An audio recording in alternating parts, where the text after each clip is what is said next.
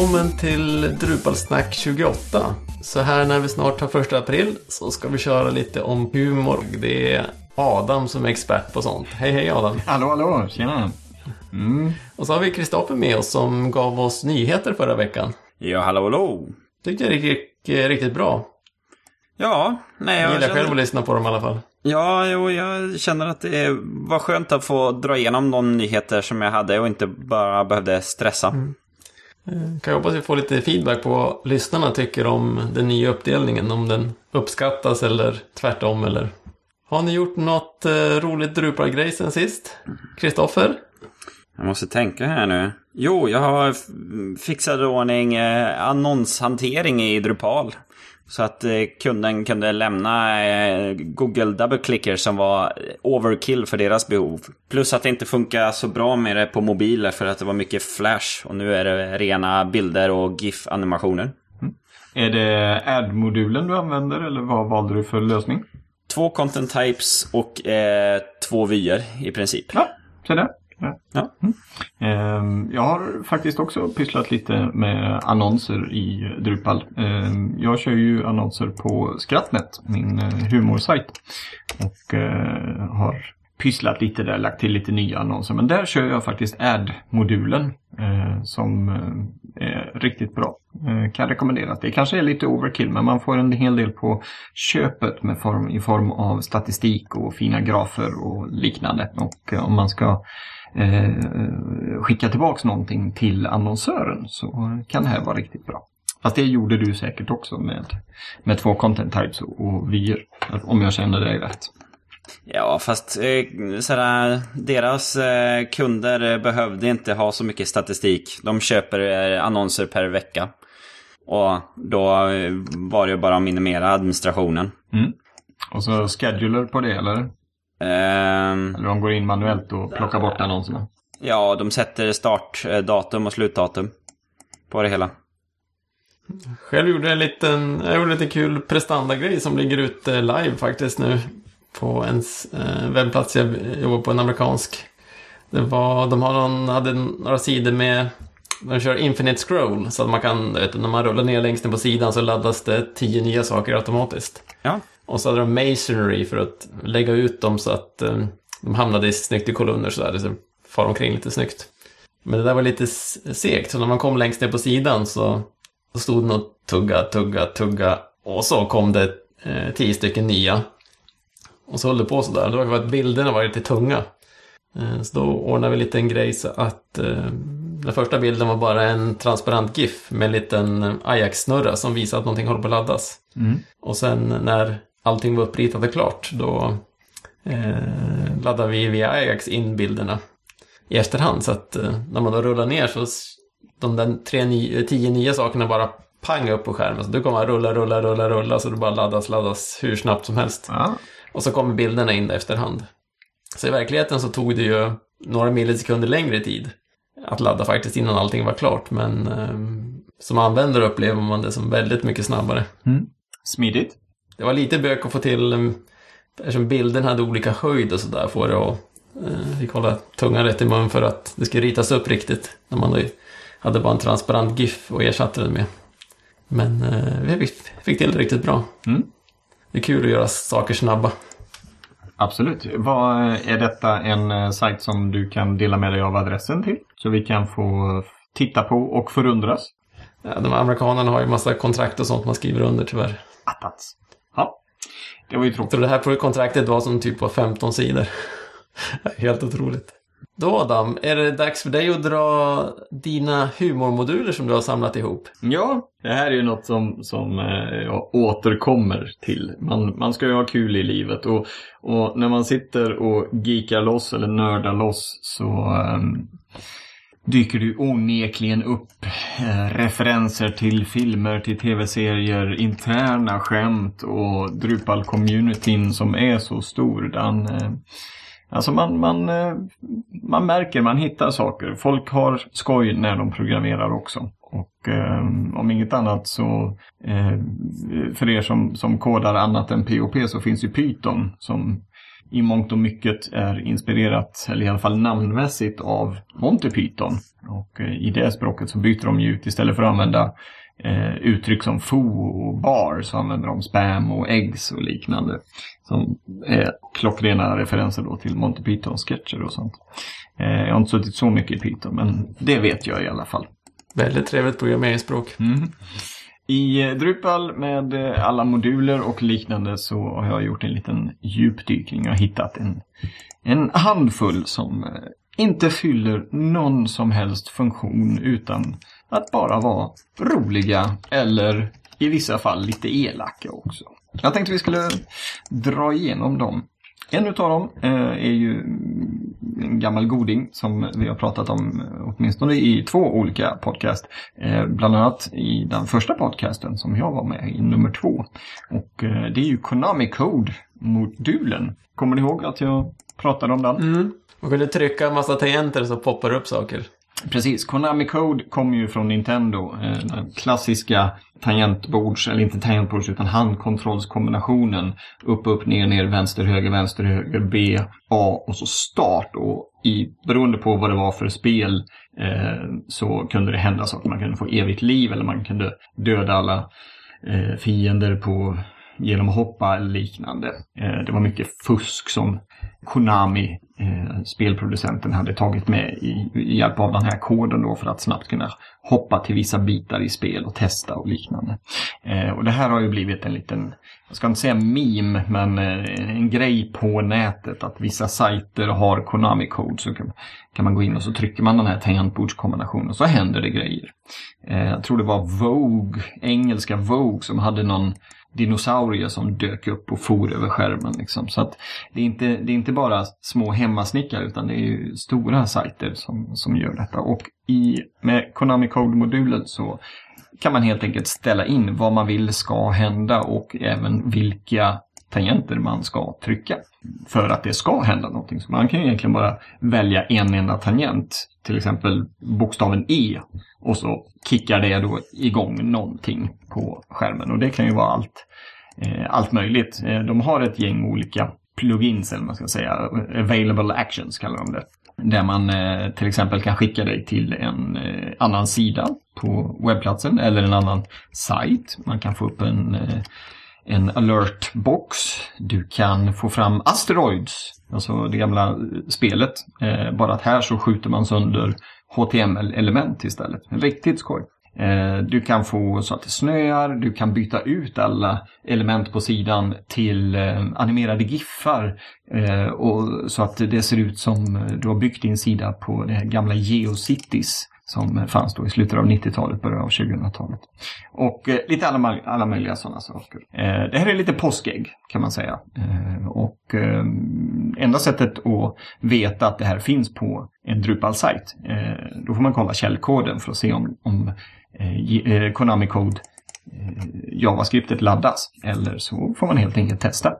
Och det, jag tror på Twitter så brukar den här Konami Code-hashtaggen vara rätt så kul att gå igenom ibland. För då tipsar folk om olika, olika sajter. Jag har den ju på alla mina sajter och eh, det, den ligger i min standardinstallation kan man säga. Mm.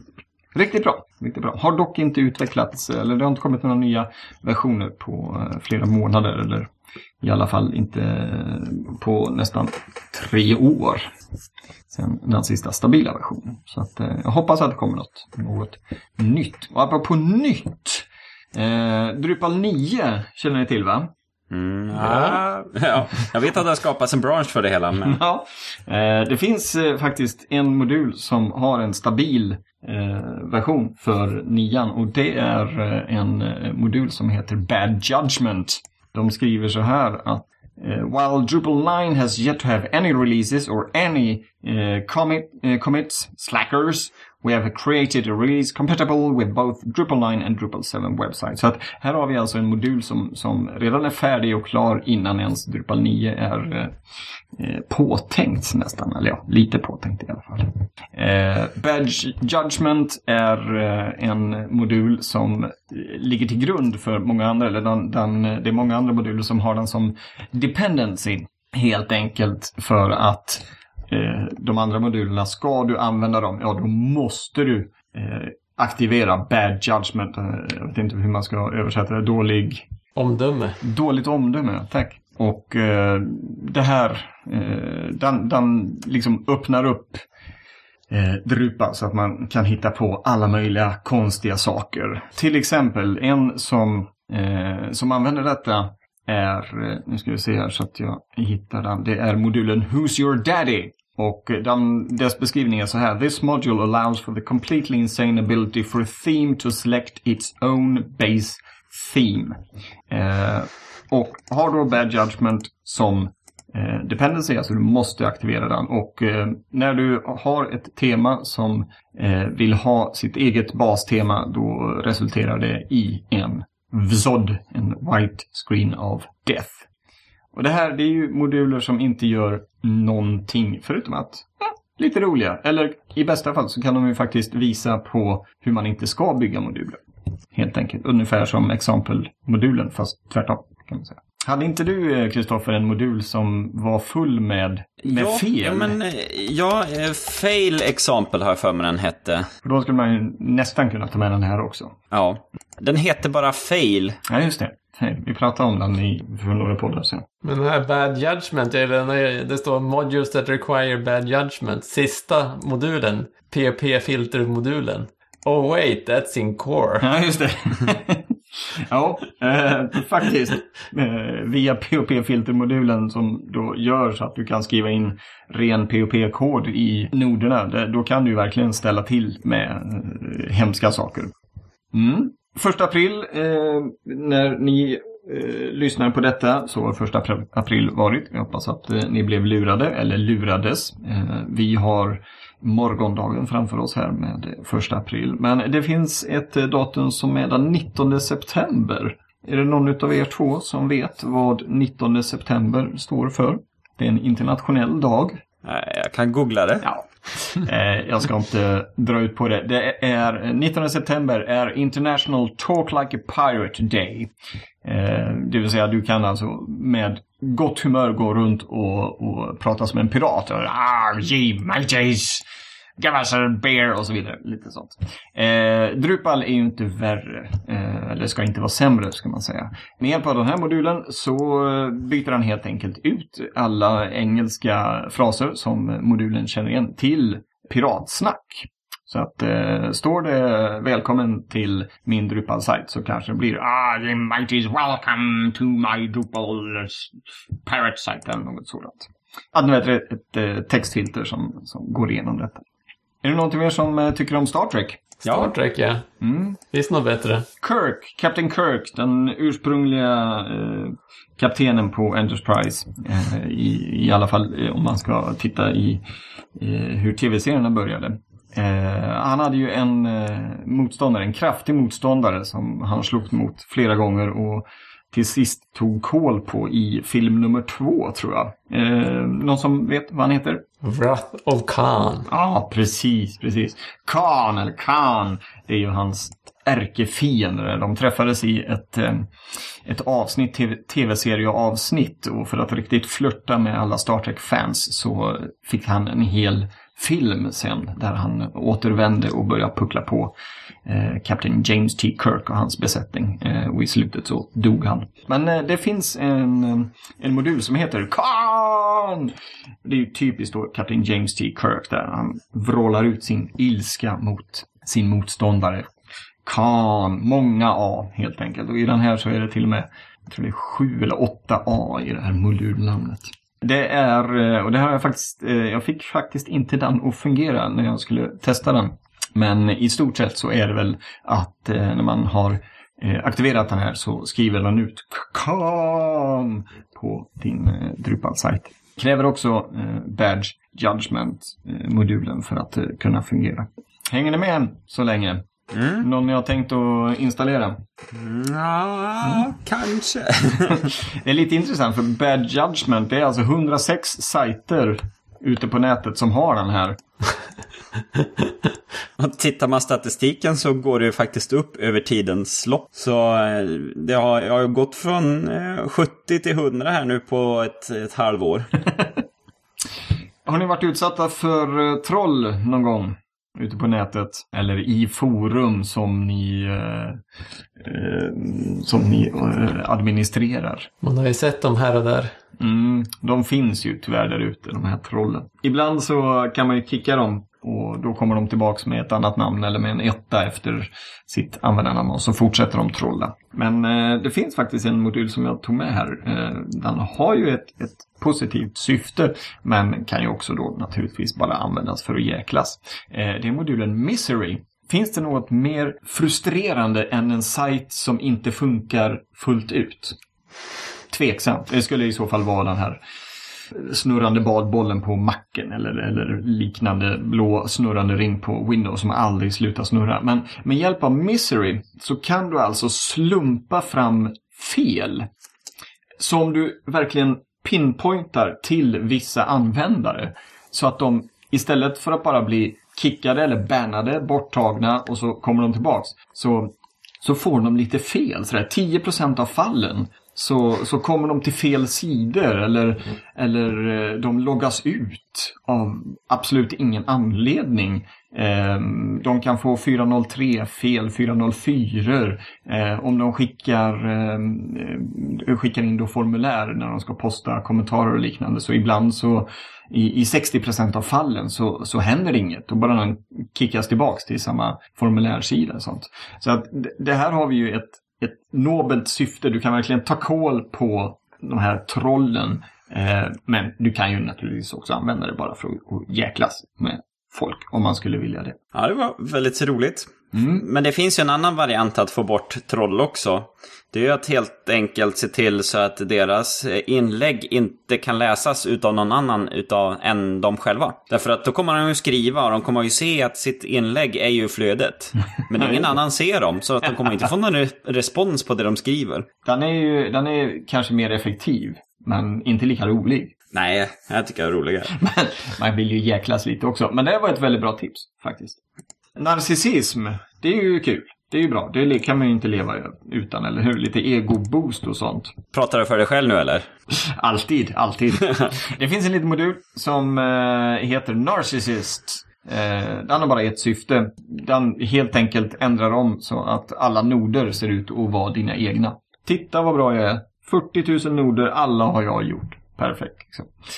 Det är en, en uh, rättighet som heter Admire Self. A user with that permission can, will see all nodes as their own when browsing the website. Finns dock bara för Drupal 6. Det var ganska rolig eh, modulbild de hade. Det narcissist-testet. Ta en stund och tänk på dig själv i steg 1. Steg 2. Om du har kommit hit så är du ingen narcissist. Ni kommer ju från lite längre norrut i vårt land. Ja. Kan vi få höra lite dialekt där uppifrån? Kristoffer, hur, när du... Nej, jo, jag är, ju, jag är ju så dålig på det. Jag kan ju inte. Nej, jag... Vilket påhopp. Fredrik, hur, hur är det med och din? Prat brett med hel käft alltså. Se där. Ja, det är bra. Ja, en annan kommer ju från Skaraborg så att eh, jag får bräka till med, med något sånt här då. Eh, orsaken att jag gjorde det här påhoppet är naturligtvis att det finns en modul som heter Dialectic Eh, den är väl lite besläktad med eh, Pirate-modulen som jag nämnde för en liten stund sedan. Men här har du lite fler varianter. Du har inte bara Pirate Speak utan du har Leet Speak eller Hacker Speak. Eh, du har Pig Latin. Du har Root 13 Eh, som jag faktiskt inte vet eh, vad det är. Är det någon som ni känner till? Man roterar, eh, det är därför att eh, engelska alfabetet har 26 bokstäver. Så man bara eh, transponerar, flyttar, eh, alltså ett A blir 13 bokstäver framåt. Alltså Caesar Pfeiffers gjorde ju sådär. Ja, ja precis. En väldigt gammal mm. primitiv krypteringsform som är ju bara på humor idag. Ja, Eh, och den här kan du då använda.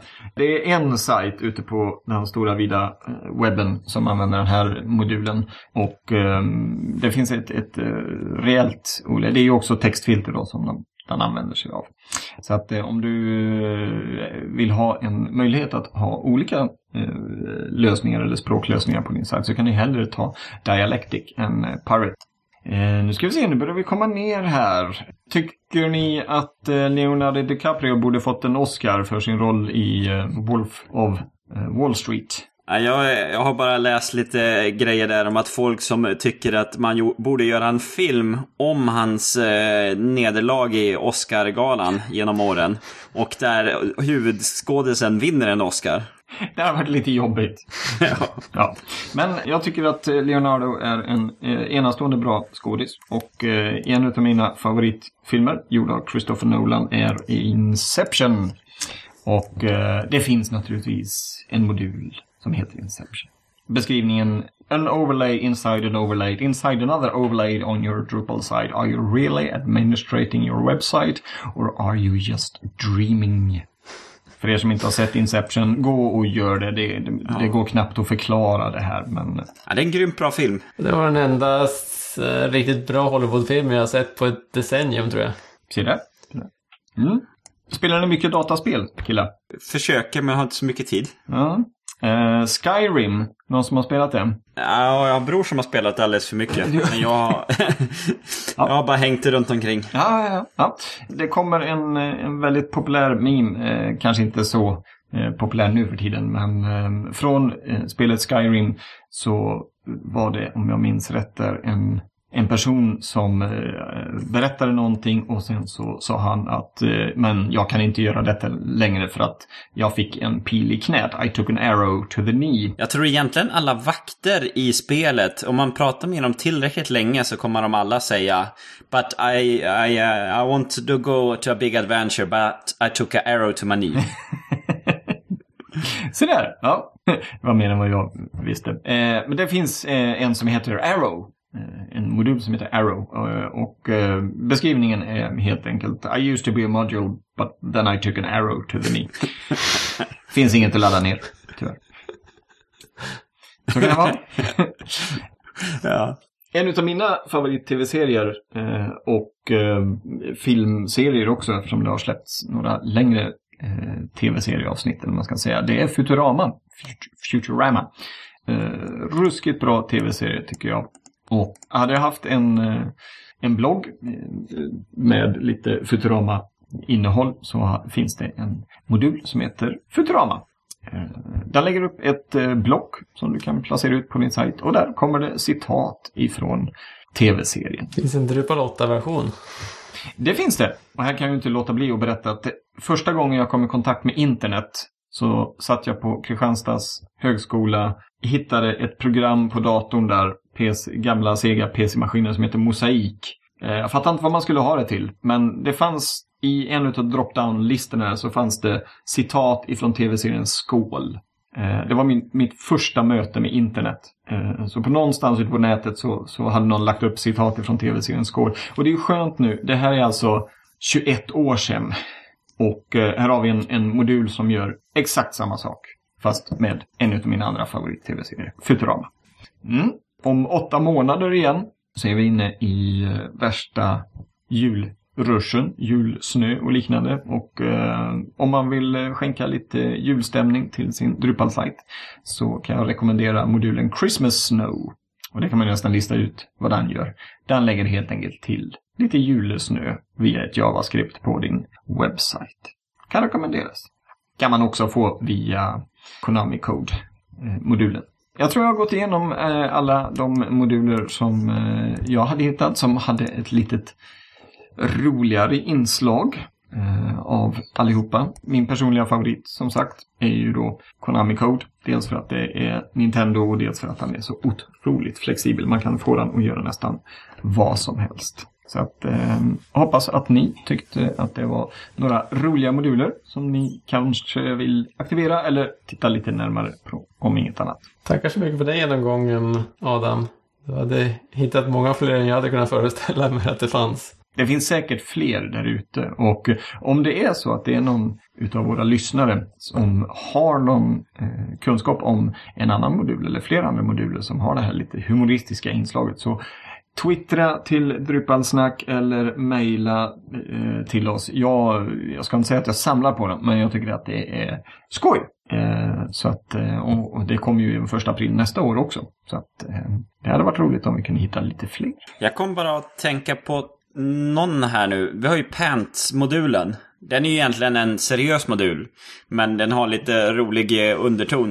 Eh, det är ju eh, Eh, mm, byxor helt enkelt eh, handlar projektet om. Och det är ju ett sätt att visa hur man uppgraderar eh, en modul från sexan till sjuan och sen från sjuan till åttan. Så har man haft det som en tutorial. Eh, och sen så bara gjorde han sökning på beer och Drupal. Sånt brukar ju finnas en hel del. Så då var det två moduler som dök upp här. Den ena heter Buy Me A Beer. Då är det en donationsknapp eh, för att man ska donera pengar till en öl eh, till sajtägaren. Och sedan fanns det Bear O'Clock. Ett konfigurerbart eh, block där man kan säga om det är dags för en öl eller inte. Så där. Så lätt var det att hitta eh, ytterligare två, tre stycken. Nu när du nämnde pants, jag tror faktiskt att jag har sett någon modul som, eh, eh som trär på en tröja på din webbsajt. Kommer inte ihåg exakt vad det är. Det är liksom de lägger på en en GIF, en GIF-modul, eller vet du, en GIF eh, ovanpå alltihopa.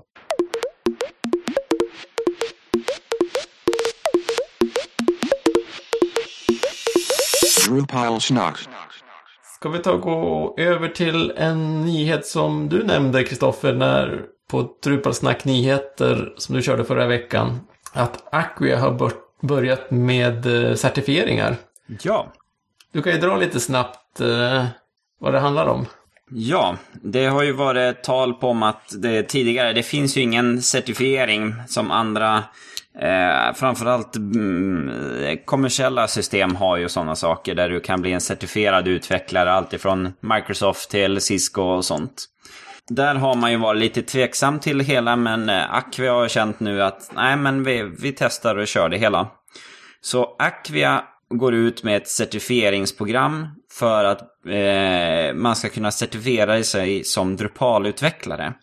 Eh, det finns ju ingenting som hindrar andra organisationer att göra sånt. Eh, Drupal Association vill inte göra det. Utan Acquia har ju valt att göra det hela. Och det är helt enkelt ett test som tar eh, 90 minuter att göra med massor utav eh, flervalsfrågor som man går igenom. Och eh, det finns eh, ganska bra skrivet på Aquias hemsida eh, vad det innebär. De är ju, har ju precis mm, princip eh, släppt det här nu så att det är vissa saker som kommer att komma till. Men egentligen är tanken att är du en certifierad Drupal-utvecklare då ska du ha grundläggande kunskap om eh, allt ifrån eh, sitebuilding till lite frontend till lite backend och lite över, överlag webbteknik och så. Det är väl tänkt mycket att det ska vara lättare för folk att hyra in och anställa Drupal-utvecklare om jag har förstått saken rätt. Ja, Framförallt om du inte har eh, tre år eh, utav Drupal-kodande med eh, tjockt eh, referenshäfte och eh, du har eh, co-maintainers till fyra, fem olika moduler. Då, då kan det ju vara lite svårt att visa att man ändå kan Drupal. Eh, så då kan man certifiera sig och säga det att jo, jag kan Drupal, se här. Det ser ut som att de, de börjar ju nu med en liksom grundläggande certifiering. Sen ser de ut att ska komma med en speciellt för front-end och en för back-end också som är väl en nivå högre om jag förstod saken rätt. Ja, det stämmer. Så att de eh, börjar nu med eh, helt enkelt en professional track som heter Acquia Certified Developer. Och sedan så framöver, de har inte satt någon tid, så kommer man ha specialist-track. Och då kan man välja, eller man kan ta båda två, men den ena är då Acquia Certified, Certified Developer Front-End Specialist. Eller Back-End Specialist. De här kommer ju kosta, eller den första i alla fall, kostar 250 dollar. Det är ungefär 1600 kronor att ta. Mm. Är ni intresserade, eller skulle, om ni skulle anställa någon, skulle ni vara intresserade att de hade den här då? Ja, absolut. Det är ju en certifiering. Sen kanske jag hade velat eh, har genomgått provet eller certifieringen själv så att jag har någonting att relatera till. Eh, så att jag verkligen vet vad en sådan certifiering innebär helt enkelt. Men eh, det är ju ett, ett sätt att få en, en måttstock på vad personen i fråga kan i Drupal. Eh, för vår del så kan jag nog känna det att eh, vi kommer nog ta det. Jag tänker nog ta det hela. För att på ett sätt visa att vi är seriös med vårt eh, Drupal-åtagande. Det är mm. någonting vi satsar på. Och då vill vi visa att vi, vi, vi, vi vill certifiera oss och visa att det här kan vi. Eh, men samtidigt är ju det att det är ju, det är ju pengar som går direkt in i Acquias portfölj. Och det behöver ju inte betyda att det kommer tillbaka till Drupal. Nej, jag satt precis och försökte hitta något om det. För det hade ju varit väldigt gentilt att låta en del gå tillbaks just mm. till, till Drupal. Men jag, jag hittar inget om det faktiskt. Och det här testet kan man göra på två olika sätt. Antingen så går man till eh, ett sånt kontor, vi ska se vad de heter. De samarbetar ju med, ja, det finns ett eh, företag som man kan komma till deras kontor och sitta och de finns lite grann eh, runt om i världen. Eller så kan man göra det online. Eh, då måste man installera programvara på sin dator. Du måste ha en webbkamera. Och eh, den programvaran eh, håller koll på var du tittar någonstans och vad du gör. Och den lyssnar på mick och den biten. Så det är, det är väldigt hårda restriktioner. Du får inte ha folk som går förbi i bakgrunden och du får inte läsa upp frågorna högt. För det känner de ut av med micken. Eh, bara för att du inte ska kunna säga frågan till någon som sitter bredvid som viskar dem tillbaka till dig. Mm. Det finns en väldigt eh, bra artikel som Webchick har gjort. Hon eh, tog det här eh, certifieringstestet. Och eh, hon har skrivit på sin privata blogg eh, hur det gick för henne och hur det funkade. Och det, det, var ganska bra om man undrar mer om hur kommer det gå till och hur funkar det som och vad kan man förvänta sig. Klarade hon sig? Ja, hon gjorde det. Inte så förvånande kanske. Hon fick 85% rätt. Och den högsta resultatet som är eh, uppmätt, det är 90% rätt. Och vi ska se här, man måste ha... Jag tror man måste ha 65% rätt. Ja, precis. För att kunna klara det hela. 60 frågor och 65% ska vara rätt för att man ska klara sig. Det är lite fundersam med sådana här certifieringar. Man har ju stött på folk, speciellt med alla de här som har, jag kommer inte ihåg vad de heter, men alla Microsoft-certifieringar, det är alltid några bokstavskombinationer. Mm. Och de har en hel radda sådana här på sitt CV. Och när man ska sätta sig ner och jobba med dem så är de, ja, man vill inte jobba med dem någon mer gång. Mm. mm. Men det, jag har mitt intryck att det säger inte, alltså jag skulle inte, när det gäller andra certifieringar så litar jag inte på att personen i fråga verkligen kan någonting. Mm. Men det kanske sätter mig som någon typ av minimigräns, man kan sålla bort lite folk kanske. Men... Mm. Det som var intressant just att läsa Webchicks eh, blogginlägg, det var ju hennes uppfattning utav frågorna. För att eh, hon har ju några andra sådana certifieringar sedan hennes studietid. Och de certifieringarna var ju i princip, eh, du ska minnas massor med data som egentligen inte är så viktigt. Hon eh, sa bland annat där, hur många eh, pinnar det är på en IDE jämfört med en floppy-kabel. Och eh, hur viktigt är det att kunna det i verkligheten egentligen? För det är ju mm. när du sitter där och håller på med en dator. Ja, passar den? Nej, men då passar den andra.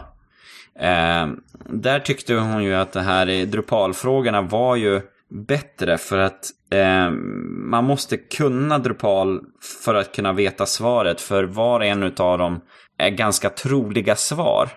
Och eh, det, det sätter ens kunskap som man, man måste ha jobbat med Drupal-installationer och satt upp några sajter för att verkligen lära sig de här svaren. Vad som är rätt och vad som man inte kan göra. De har ju en mm. exempelfråga som eh, hur det kan gå till. Den går så här, sample question. You are running a popular local news portal. A mobile app developer in your area approaches you for a permissions to uh, syndicate your content to their mobile app. They are requesting the content be made available as a feed rather than in HTML format. Can you provide a list uh, of latest articles in RSS format? Um, how can you uh, provide a list of latest articles in RSS format? Och då är det fyra svar. A. Create a view with a feed display uh, filtering only the article's uh, content types. B. Create a view with a page display filtering only the article's content and, and under filter options enable the RSS filter. C. Create a view with a page display filter, only and the article's content types, and under style output options select RSS feeds instead of unformatted list.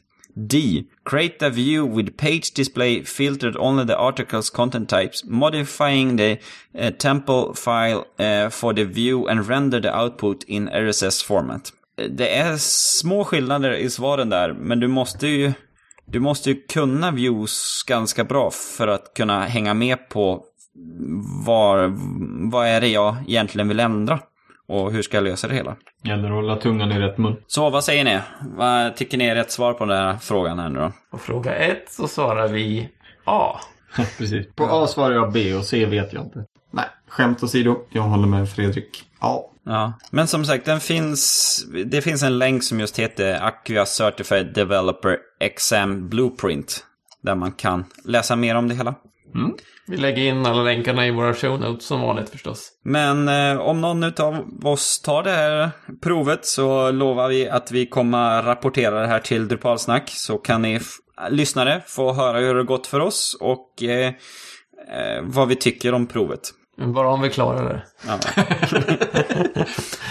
Eh, På tal om RSS-flöden och sådär. Då kan vi bara nämna i förbifarten att vi gjorde om vårt eget RSS-flöde. Så att eh, show notesen syns direkt i så här podcastläsare som Instacast och Downcast. Det var någon som frågade efter det. Jag hade, jag hade aldrig fått tummen ur och fixa det men nu är det fixat. Så det, det ser bra ut hos mig i alla fall. Så jag hoppas det ser, ser bra ut, ut hos andra också. Och är det några problem så är det bara att höra av sig så fixar vi det. På drupalsnack.se så hittar ni ju eh, våra e-postadresser och allting. Precis. Och eh, när vi ändå är inne på drupalsnack.se så eh, kan vi ju säga att det finns en annan grej där också som, om, eh, som vi kan nämna. Och eh, det är eh, under avsnittet mikrodonationer kan man säga. Eh, själv så stödjer jag Drupal såklart med en medlemsavgift. Det är inte direkt någon mikrodonation men en mikrodonation som jag gör varje år det är till Wikipedia. Och mikrodonationer för er som inte har listat ut eller pysslat med något sådant det är ju att eh, förhoppningsvis många personer skänker små summor pengar. Det kan vara en krona, det kan vara tio öre, det kan vara en femma, en tia eller en hundring vad man nu anser sig vilja betala för saker och ting. I mitt fall så var det Wikipedia som jag valde att stödja utöver då Drupal. Vi som sitter och gör Drupalsnack, vi är ju tre killar som tycker om Drupal. Eh, vi tycker också om att åka på Drupalkons. Och eh, fram i höst här så är det ju en Drupalcon i Amsterdam mot slutet av september, början på oktober där eller så. I den vevan. Och eh, vi vill naturligtvis eh, kunna servera er ett riktigt bra avsnitt ifrån Drupalkon i Amsterdam. Så att eh, vi har placerat ut eh, lite varianter på drupalsnack.se där man skulle kunna skänka någon krona eller några kronor till oss om ni vill att vi ska komma iväg till Amsterdam. Då var det slut på ämnen i listan. Ska vi tacka för oss? Det får vi göra. Tack så mycket. Tack Adam för alla dina fina humormoduler. Tack, tack. Jag fortsätter samla. Och eh, tack Kristoffer. Jag tackar så mycket. Och dig kan eh, lyssnarna höra igen om bara en vecka och höra eh, Drupal-nyheter. Japp, då håller vi er eh, 15-20 minuter nyheter. Så tack så mycket för att ni har lyssnat idag. Vi hörs. Hej då! Hej då! Hej då!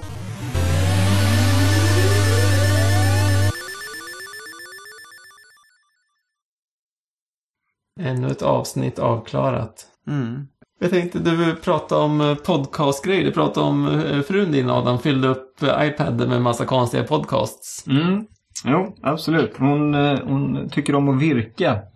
Och eh, det finns rätt många olika poddar, inte bara om virkning men framförallt stickning. Virkning är väl en inte så mycket, hon har hittat några stycken, men hon, hon, det är mycket handarbetspoddar som, eh, som fyller upp min gamla iPad.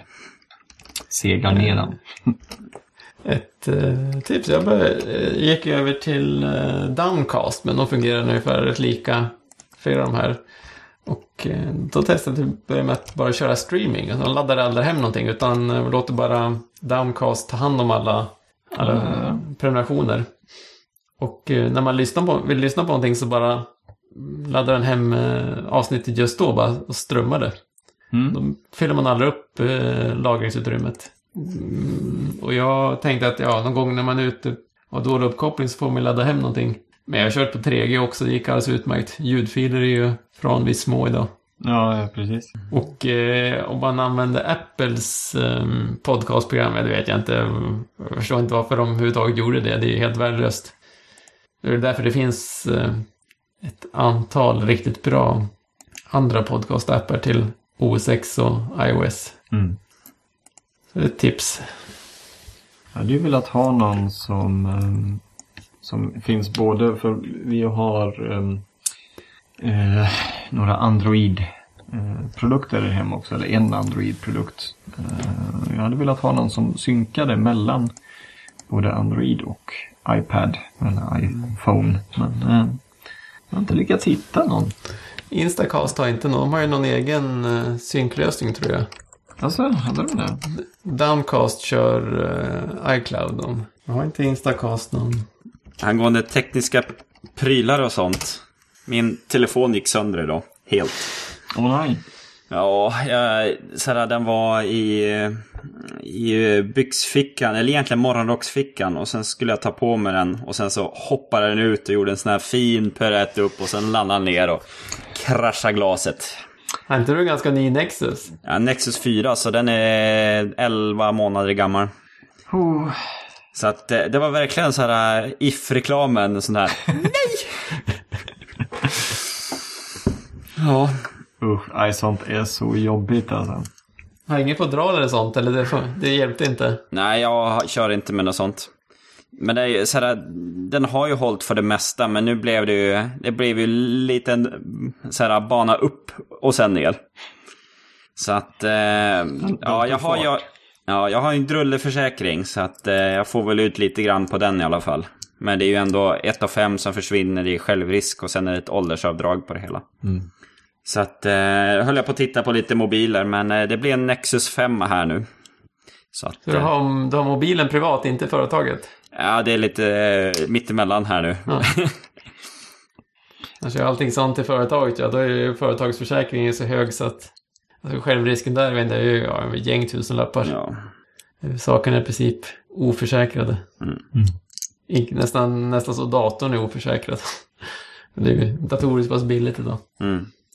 Min kollega på jobbet, han beklagar sig. Jag berättade förra sommaren hur jag hade, jag hade stått och filmat eh, någon iller eller något sånt nere vid hamnen eh, i, eh, i, i vår sommarstugeområde. Och så eh, var det flera barn under mig och så var det någon som plötsligt reste sig upp så de slog till min hand. Och, och då gjorde han verkligen, som jag kan tänka mig att din telefon gjorde, en sån här fin volt upp i luften och så bara rakt ner på sten, stenarna nere på stranden. Några riktigt stora kraftiga stenar. Eh, och slog i på kanten. Och inget hände med den här. Det, det liksom, den, visst, han fick en liten liten buckla på, på sidan av, av eh, skalet. Eller inte på skalet utan på, på eh, Eh, vad heter det, metall, metallskalet som, som telefonen utgörs av. Men annars så den klarar sig liksom. Medans, och när jag berättar det för min kollega, han bara tittar på den bara, hur fan lyckas du? Jag, jag, jag kan titta på min telefon och så går den sönder. Han har tydligen gått igenom så två, tre iPhones på väldigt, väldigt kort tid. Han lägger dem på, på köksbänken hemma och så åker han i golvet och bara Jaha, där gick det glaset sönder. Tack för den liksom. Man ska nog ha tur slash otur när det kommer till sådana här grejer. Det var ju det att min förra telefon gick ju också sönder i glaset och då var det min dotter som tappade den från typ 40 centimeters höjd. Men det var så här äh, olycklig träff så att glaset spricker och så. så att... Mm. Såg ni på Plus i förra veckan? Oj, vad gammal jag lät nu. Ja, jag, jag råkade gå förbi tvn eh, i förra veckan och, eh, och eh, hade bytt över från, från MTV som är hippt och ehm, coolt. Och då var det Plus på och då testade de surfplattor. Och då var det en tjej, eh, faktiskt uppe i Umeå tror jag, som hade som uppgift i det här programmet att testa hur, hur mycket de kan misshandla olika surfplattor innan de liksom slutar fungera. Eh, och ett utav testen var verkligen att stå en och en halv meter upp i luften, hålla plattan och bara släppa den. Dels på sidan, eh, på kanten och med skärmen neråt. Och när de släppte den med skärmen neråt så låg det någon, någon sten nedanför. Liksom.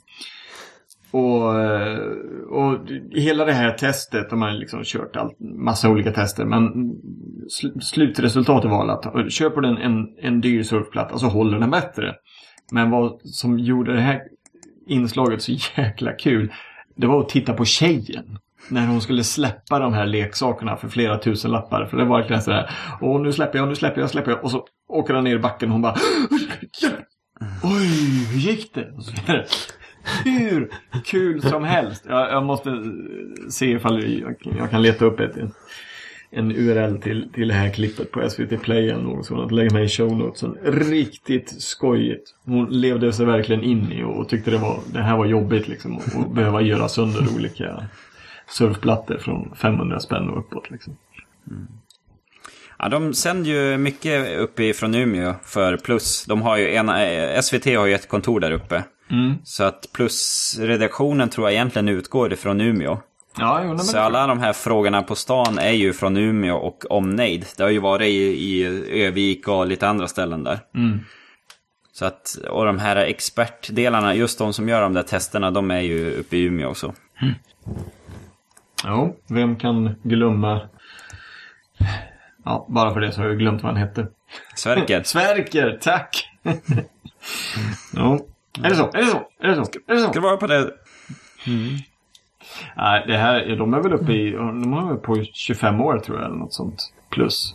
Jag har hängt med så otroligt länge. Men, länge. men det är ju också ett otroligt bra program. Och Sverker var en av Sveriges mest betrodda personer. Ja. Mm. ja. Han tar ju verkligen kundens sida. Tok. Nu vet jag inte vad han gör. Det med... Med iPad och sånt. Det måste vara tur för grabben min släpper runt på vår eh, iPad har vi gjort senaste året. Om inte längre. Men inte, inga problem alls. Mm. Du har ju kanske enklare att ha trägolv hemma. Så det blir ju inte samma... Har man ett betonggolv är ju helt annat att dunka ner i. Ja, nej, precis. Staffan och Bengt kom ju uppifrån Umeå också någonstans där.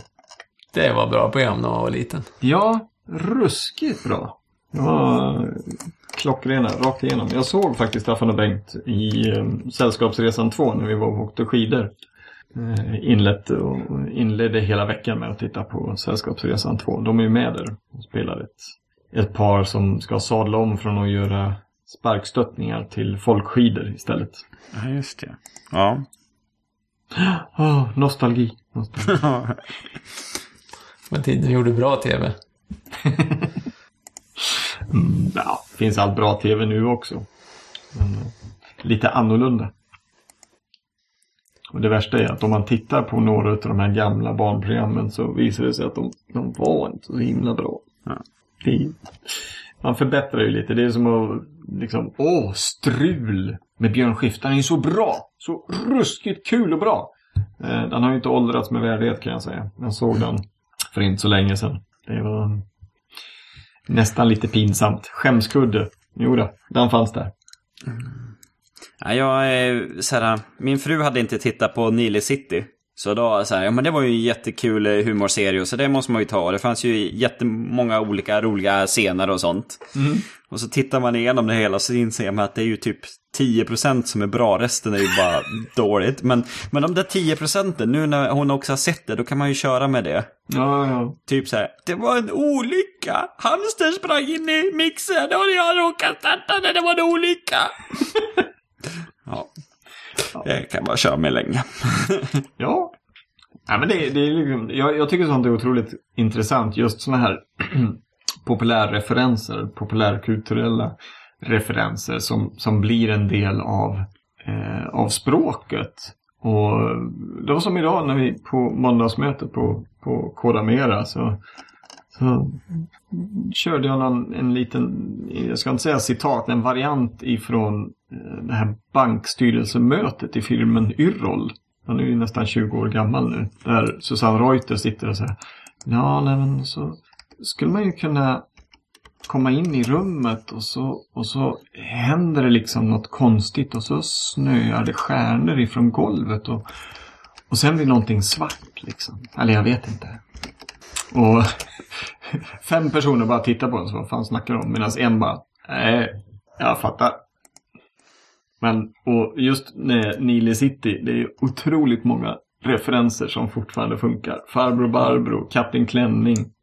Sånt är otroligt eh, intressant och otroligt frustrerande när man som utlänning kommer till ett annat land och ska försöka lära sig att umgås och så liksom man kan ju tänka sig hur, hur folk som invandrar till Sverige och så är det någon som bara ställer sig rakt upp och ner, ut med armarna och säger jag kan flyga, jag är inte rädd. Och så viker sig alla svenskar av skratt. De bara ah, jag fattar, ah, jag fattar.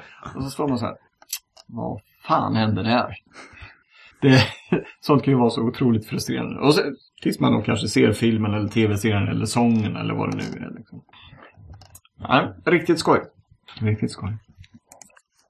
Jag har hittat eh, klippet här med eh, eh surfplattorna. Jag ska lägga till det i show notes.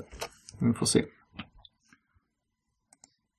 Som en eh, sista jag kan nämna om man är intresserad av eh, eh iOS-prylar. Eh, som vi har pratat lite om idag och kring säkerhet och vill lyssna på en väldigt bra podcast. Så finns det ju Security Now, en gammal podcast som kör på eh, Twit TV hållit på i, med Steve Gibson och Leo Laporte. De har ju haft precis avslutat en, eh, en avsnitt 3 i iOS Security. Apple släppte ju en, eh, ett white paper på exakt vilka krypteringar och hur de eh, löser alla sina tjänster med iMessage och Face, eh, Facetime och eh, nyckelringar och all annan iOS-säkerhet. Mm. Så man kan faktiskt läsa exakt hur det har gått till. Och den här killen eh, kan de här sakerna. Har gått igenom. Det tog tre podcastavsnitt och varje avsnitt är typ två timmar. De pratar om lite andra saker också förstås. Men, eh, det, är en, det är nog kanske den äldsta security-podcasten. Den är ju eh, en stor följarskara. Hållit på i, jag vet inte hur många år. De är uppe i avsnitt 448. Ser jag här i min... Ja, och de kör varje vecka. Ja. Sen. Två timmar varje vecka. Mm. Men det är riktigt intressant att höra. Han, den här killen, är, han är Windows-kille. Han gör ju någon eh, sån här... Eh, Spinright heter det. Program för att rädda hårddiskar. Som är ett jättegammalt program och ska tydligen vara riktigt, riktigt bra. Men det är bara för Windows. Men tydligen är det på ja. väg någon Mac-version till sist. Ja, han kör ju egentligen så är det inte Windows utan det är ju PC. För han, eh, mm. det är ju en diskettprogramvara som sen fungerar på USB. Mm, ja, det är något DOS Ja. Och, och den där BIOS har inte riktigt funkat för eh, Mac-datorer. Det, det... Tydligen så kan den köra ner VirtualBox eller något sånt där läste jag. Ja. Men jag aldrig. Eh, men eh, han är tydligen, så han är definitivt inget så här riktigt Apple-fan eller sådär. Han som inte är från den, från, från den sidan. Men eh, han var grymt imponerad av hur välbyggt eh, systemet var. Alltså, det är ju byggt så för att man eh, måste ju... Så Apple vill göra allting väldigt lättanvänt och ska inte behöva sätta upp så där mycket. Så att, eh, alltså man måste ju lita på Apple säger han, men det är ju inte så... Han hade väl ett par små frågetecken.